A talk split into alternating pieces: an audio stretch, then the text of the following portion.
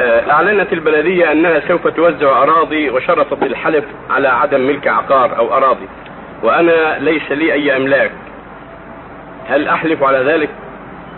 الواجب على الرعية أن يلتزموا ما تقوله الدولة في حدود الشريعة في حدود الشريعة والاجتهاد. فإذا قالت الدولة أنها تعطي من الضمان الاجتماعي منصبته كذا وكذا وكذا فعلى الرعية يلتزم بذلك. وليس لهم الكذب والحيل حتى يقولون هذه المرأة فقيرة وهي ليست فقيرة. أو هذا الرجل فقير وليس بفقير. أو هذه الزوجة مطلقة وهي مطلقة. لا فإنه ليس له أن يكذب وليس له أن يأتي بشهود زور على أن ما عنده بيت ولا عنده أرض وهو كاذب. ليس له ذلك.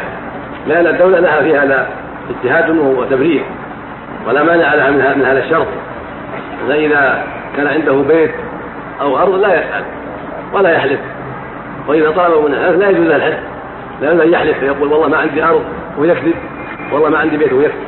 أما إذا كان صادق ما عنده أرض ولا بيت فلا حرج يحلف ولا حرج عنه نعم. آه، هو تكميما للسؤال بيقول إن هو عنده أرض واحد وهبها له ولكن من عشر سنوات ولكن لا يعلم أين هي ولا موقعها ولا يستطيع التصرف فيها. فهل ممكن يحلف على هذا الأساس؟